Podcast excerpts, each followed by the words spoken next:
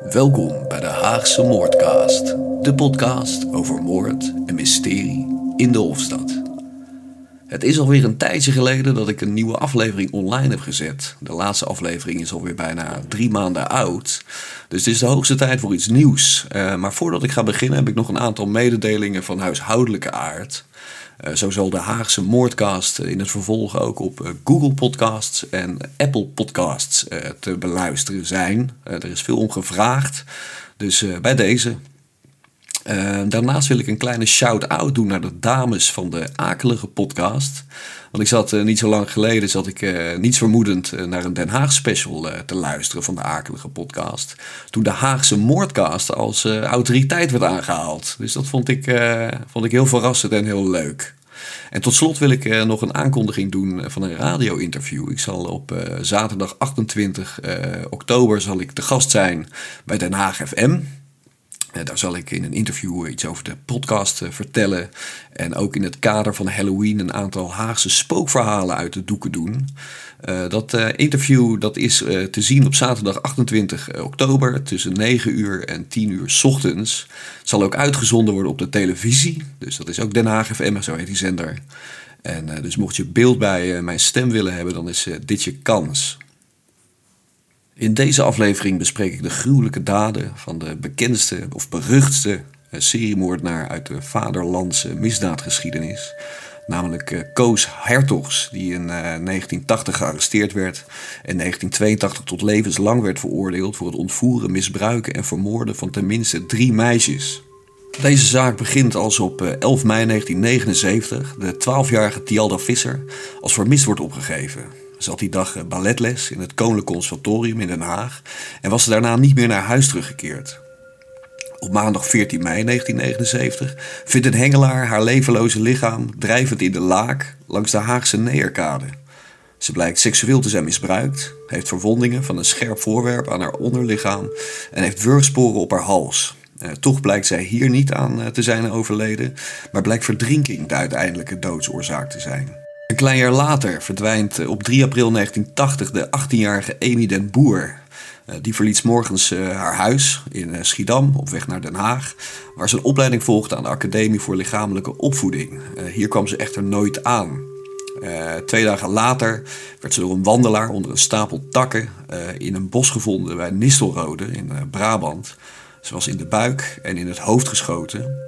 Haar broek, sporttas, slip en schoenen misten en ook haar oorbelletjes waren weg. En dan op 29 september 1980 verlaat de 11-jarige Edith Post, dochter van een ondercommandant van de brandweer, uh, even haar klas van de wethouder Huibrechtschool in Wassenaar om in de handwerkkast iets te halen. Uh, ze werd daarna niet meer teruggezien. Op 2 oktober vond een man het lichaam van Edith in de Wassenaarse duinen. Ze was met een zwaar voorwerp vermoord, waarschijnlijk met de tak die naast haar werd aangetroffen. Bij de school van Edith hadden getuigen op de dag van haar verdwijning een man in een houthakkershemd met een schop gezien. De politie heeft hun foto's van verdachten die aan het uh, signalement voldeden uh, naar het Wassenaarse team doorgestuurd dat met Ediths verdwijning bezig was. Twintig getuigen die herkenden Koos Hertogs, een nachtportier, als de man die bij Ediths school had rondgestruind. Deze Koos Hertogs was geen onbekende bij de politie. Uh, veel geweldsdelicten, inbraken, mishandeling. Ehm, maar hij is ook uh, in de periode daarvoor ook betrapt toen hij uh, met een verrekijker naar jonge meisjes stond te gluren bij sportvelden.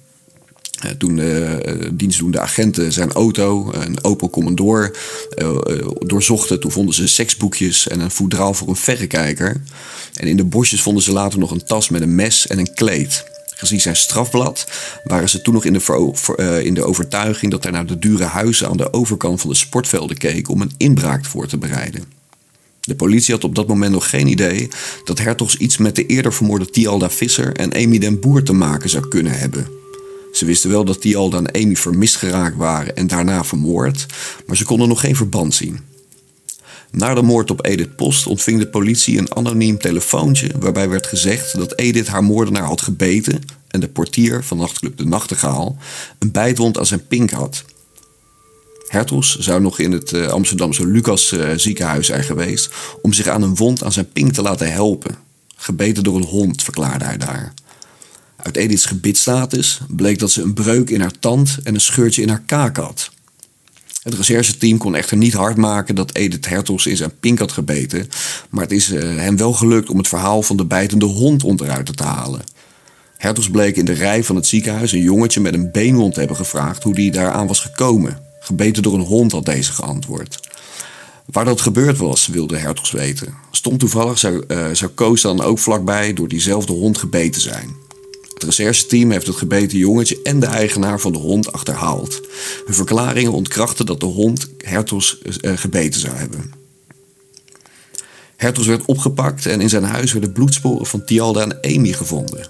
Op de zolder van zijn woning aan de Zuidwal in het centrum van Den Haag werd een zeer goed geïsoleerd kamertje aangetroffen dat professorisch was ingericht als martelkamer. De politie vermoedt dat Hertos hier zijn slachtoffers misbruikte en uiteindelijk vermoordde. Zowel Amy als Edith werden teruggevonden zonder oorbelletjes. De oorknopjes van Amy waren zilveren klavertjes 3 uit Engeland. Twee regisseurs zijn maanden bezig geweest om alle 316 in Nederland verkochte paren oorknopjes terug te vinden. Als je zo'n oorbel bij de verdachte zou aantreffen, dan kon je aannemelijk maken dat Amy daar geweest was. De regisseurs zijn heel Nederland doorgereden en hebben op 168 paar na alle paren weten terug te vinden bij mensen die ook zulke oorbellen hadden gekocht. In de martelkamer op de Zuidwal werden twee van deze oorbelletjes teruggevonden. Dit waren de klavertjes 3 van Amy. Een ander knap staaltje recherchewerk was de in delen op de sloop teruggevonden Mercedes die Koos Hertogs bezat ten tijde van de moord op Dialda en Amy.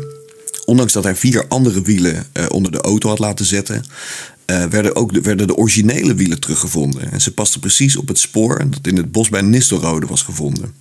Op de sloop zijn er ook een uh, kokosmat teruggevonden waar een lange rode haar in zat. toen ze die vergeleken met een lok van het rode haar van Tialda, viel die in precies dezelfde slag als de lok. Hoewel Hertogs boekjes met kinderporno in huis had, denken deskundigen dat hij geen pedofiel was. Hij zou om praktische redenen jonge meisjes hebben ontvoerd. Die waren namelijk makkelijker hanteerbaar dan volwassen vrouwen. De zitting was voor die tijd ongekend beveiligd, omdat gevreesd werd dat familie en vrienden Koos H. zouden proberen te ontzetten. Het bewijs tegen Koos H. was omvangrijk. Zo zaten alle 18 sporen uit de sweater van Amy ook in de 36 sporen die in de martelkamer werden veiliggesteld. Hiermee was voor 100% zeker dat die trui in die kamer was geweest. Op zitting zijn ook ter bewijsvoering sporen gebruikt als haren, bloed en vezels. Veertig journalisten woonden het proces van Hertos bij. Uit vrees voor bevrijding of liquidatie lagen er scherpschutters op het dak van de Haagse rechtbank. Hertogs werd veroordeeld tot een levenslange gevangenisstraf. Ook in hoger beroep werd hij tot levenslang veroordeeld. Hertog zelf bleef tot 1989 ontkennen dat hij de moorden had gepleegd. In overleg met zijn advocaat, Wim Anker, legde Hertogs uiteindelijk een deelbekentenis af, zodat hij kon worden opgenomen in een TBS-kliniek. Tot 2006 zat hij in de Van Mesdag-kliniek in Groningen, waarna hij werd teruggeplaatst naar een gevangenis. Later legde Hertogs op verborgen camera een volledige bekentenis af, die in het programma van Peter R. de Vries werd uitgezonden.